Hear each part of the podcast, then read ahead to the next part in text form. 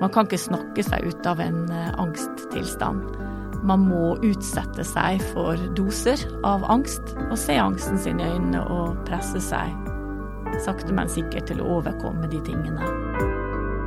Fagbokpodden er laget i samarbeid med Gyldendal. Grete Dyb, du er eh, barnepsykiater, professor eh, ved Universitetet i Oslo. Du har en doktorgrad på posttraumatisk stress hos barn og unge, og sammen med Tine Jensen så er du redaktør for en eh, bok som heter 'Å leve videre etter katastrofen'. Alt fra å mestre livet når det står på spill, til å håndtere og ha f.eks. holdt på å dø, da, eller vært ekstremt stressa og redd i en situasjon.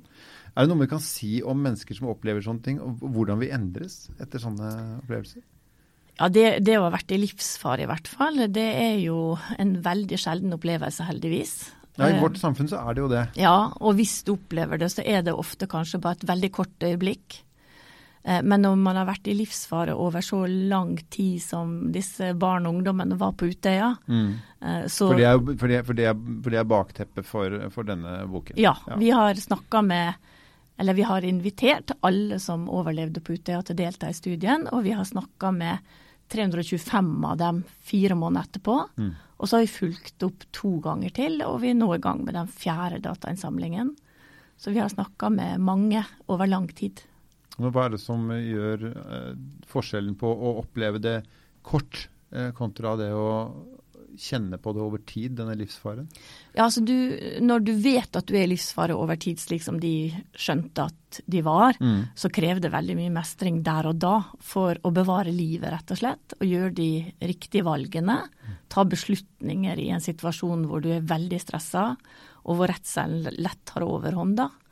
Eh, der ser vi jo at eh, mange som forteller oss at de, de kom på mestringsstrategier som var veldig hjelpsomme for dem. Eh, men først og fremst så greide de å ta vare på hverandre og hjelpe hverandre til å roe ned eh, de veldig, veldig sterke følelsene de fikk da. Og det var nok livreddende for mange. Eh, for det var viktig å holde seg i ro og ikke bli oppdaga. Eller det var viktig å få kasta seg i sjøen og svømt over. Du peker på at det var viktig å ha en bevisst strategi for hva man gjorde i en situasjon hvor man egentlig var så stresset at man kanskje kunne mistet hodet fullstendig? Ja. Mm.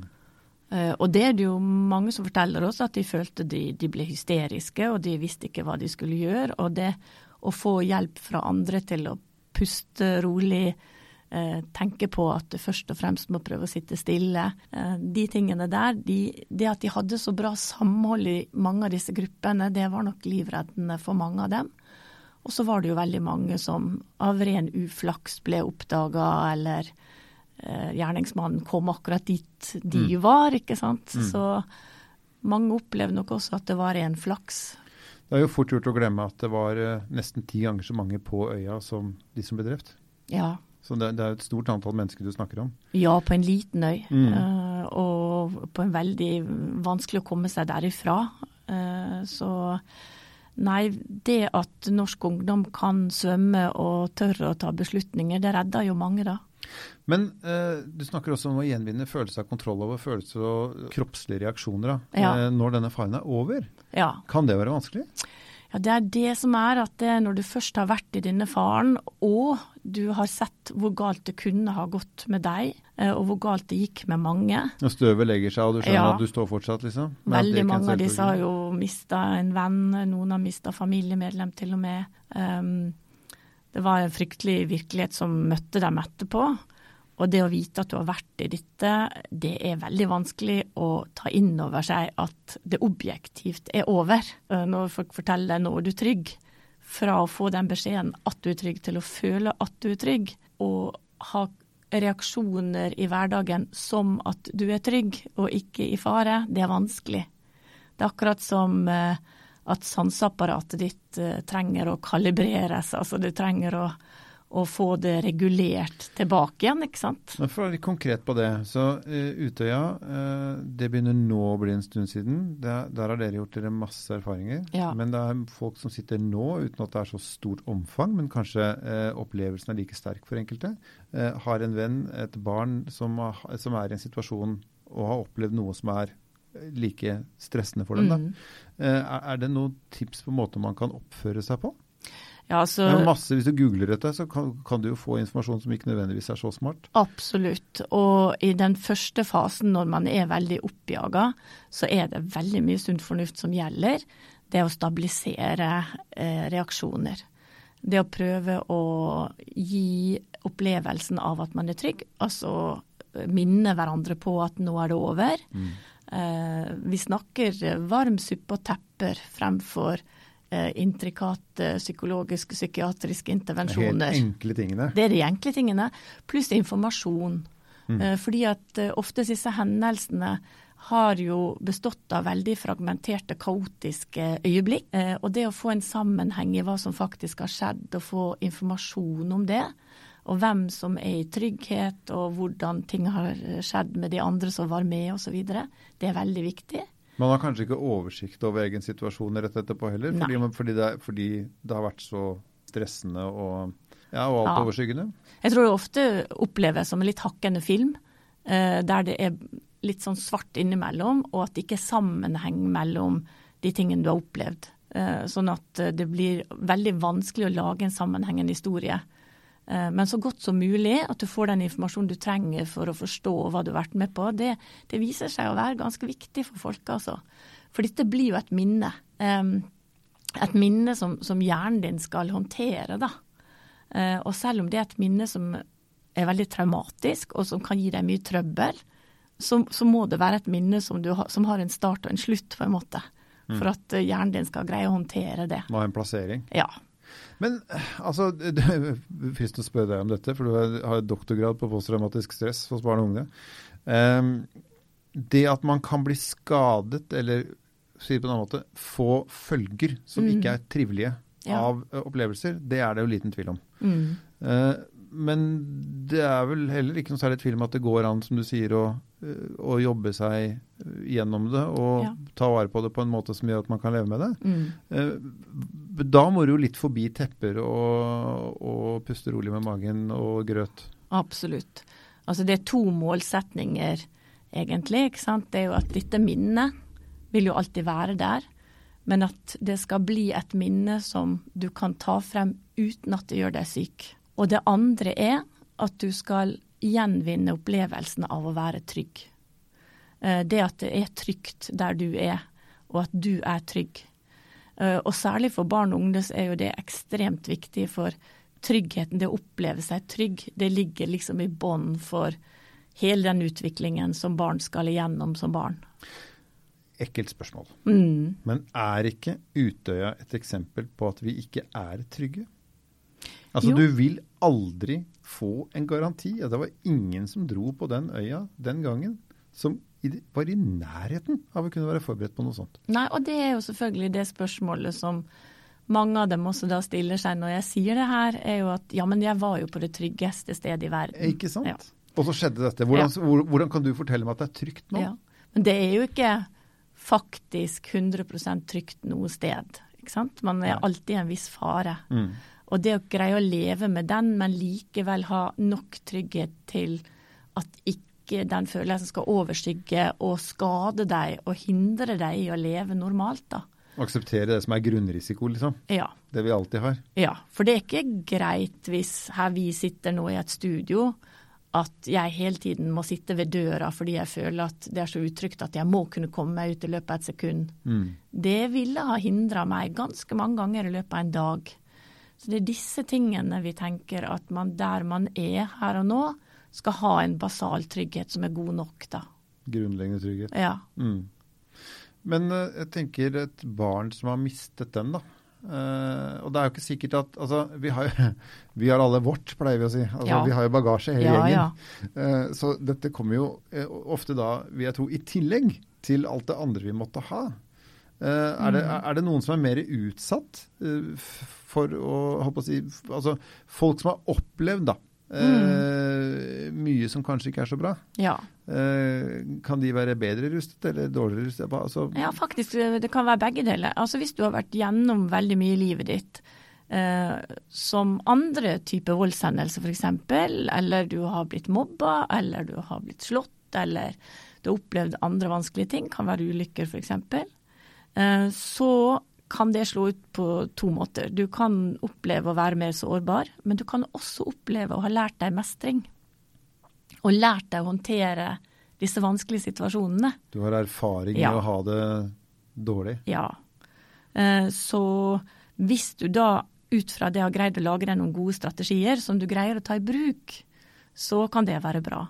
Ellers er det jo ikke bra å bli utsatt for vold eller ulykker eller andre Nei, men du traumatiske sier jo i og hendelser. for seg nå at du kan bruke det til noe, da. Men du kan bruke det til noe. Uh, og det er, ikke, det er ikke slik at du ikke kan få et bra liv. Mm. På ingen måte.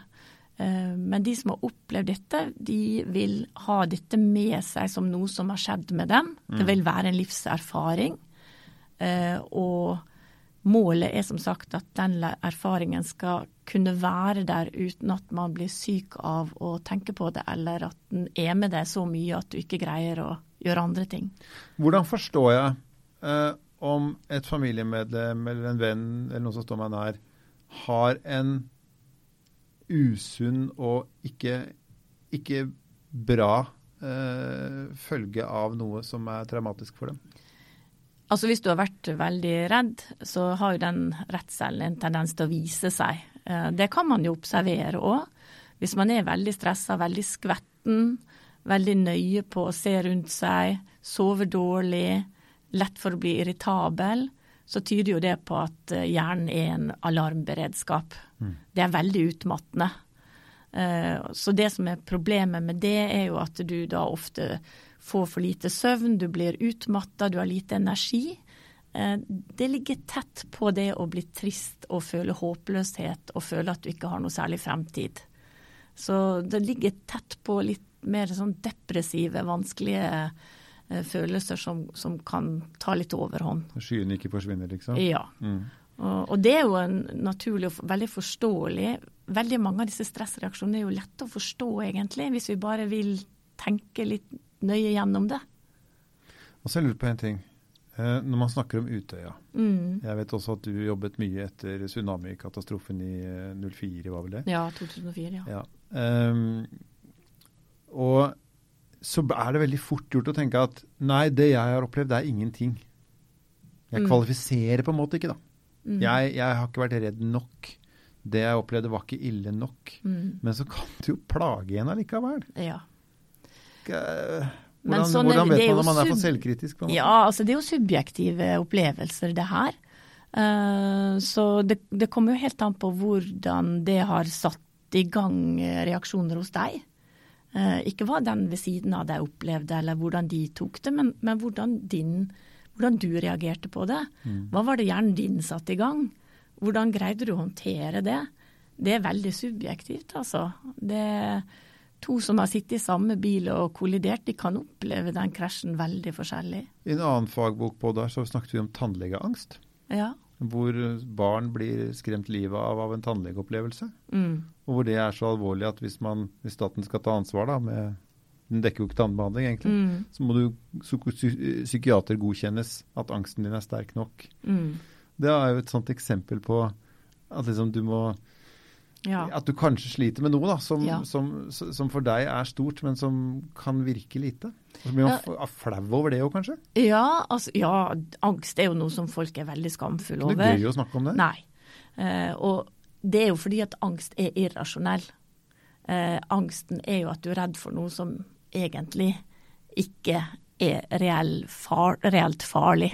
Nei. Altså, eh, så det er, jo, det er jo disse reelle farene, de er jo Møter du en hai når du er ute og svømmer, så er det veldig reelt farlig. Ser du en bil komme mot deg, så er det reelt farlig. Men det å gå med et sånt spøkelse i seg om at noe ille kan skje deg hele tiden, Mm. det er det som er angst. Og den er jo irrasjonell oftest. Hvor normalt er det å ha litt angst? Å, angst er noe vi alle har. Eh, Den irrasjonelle. Den irrasjonelle er jo når det tar overhånd. Mm. Når det er noe du tenker på hele tida, og du ikke greier å få tanken din over på det du skal holde på med. Nå vet jeg så mange som tenker at ja, men hva er hele tiden? Ja, Hvor er altså- grensen, da? Hvor, Ja, når- jeg tenker at har angst går fra null til 100. Uh, og i det øyeblikket det blir slik at det hindrer deg i å gjøre de tingene du egentlig vil holde på med, så begynner det å bli et problem. Eh, og når barn ikke greier å gå på skolen, når de ikke greier å si et ord i klassen uten at de syns det er en katastrofe, når de ikke greier å være sammen med venner, da er det jo et problem. Eh, men angst er jo også en tilstand som vi har mange gode verktøy for å behandle. Har du noen bråtips for folk som måtte føle at det Ja, man må se angsten sin i øynene. Det? Man kan ikke snakke seg ut av en angsttilstand man må utsette seg for doser av angst. Er det det samme som å bli dus med edderkopper hvis du ikke liker dem? liksom? Det er ganske er det? så likt. Gå og ta i edderkopper? Ja. Leke med de? Ja. Og se angsten sin i øynene og presse seg sakte, men sikkert til å overkomme de tingene. Eh, så det er jo faktisk veldig mange som får veldig god hjelp med. Og posttraumatisk stress er også en angstlidelse. Eh, det er en stresslidelse, men det er også en angstlidelse. Sånn at eh, det er mye likt. Eh, og det er mye på samme måten vi jobber med den type reaksjoner òg. Hvor mange prosent av oss tror du sliter med den type ting? Åh, oh, ja det Barn og ungdom spesielt kan jo være opptil 15-20% av ungdomsbefolkningen. Men da snakker ikke vi om kliniske tilstander som, som trenger Nei, ikke, å komme til en klinikk, liksom. Mm. Men, men som, som, har det i perioder. Eh, vi snakker om sosial angst, ikke sant. At barn uh, syns det er fælt å eksponere seg fremfor andre. Eh, det må man trene på. Det handler veldig mye om trening, det her. Og det å trene seg i trygge omgivelser. Så sånn er det jo når man skal gjøre alt som krever noe av oss, så vil angsten vekkes litt. Grann. Mm. Og som ofte så tolererer vi den, og noen ganger så blir det bare for mye. Men fins det da med andre ord en slags god angst, da? Som bare, bare skjerper oss i øret? Ja, liksom. det, det, er helt klart. Derfor jeg sier fra 0 til 100, og det er liksom på øvre delen av skalaen at det blir et problem. Mm. Så da kan vi se angsten vår i øynene, altså at litt angst kan være litt bra? Ja. Det får oss til å prestere, rett og slett. Du har hørt Fagbokpodden, som er laget i samarbeid med Gyldendal.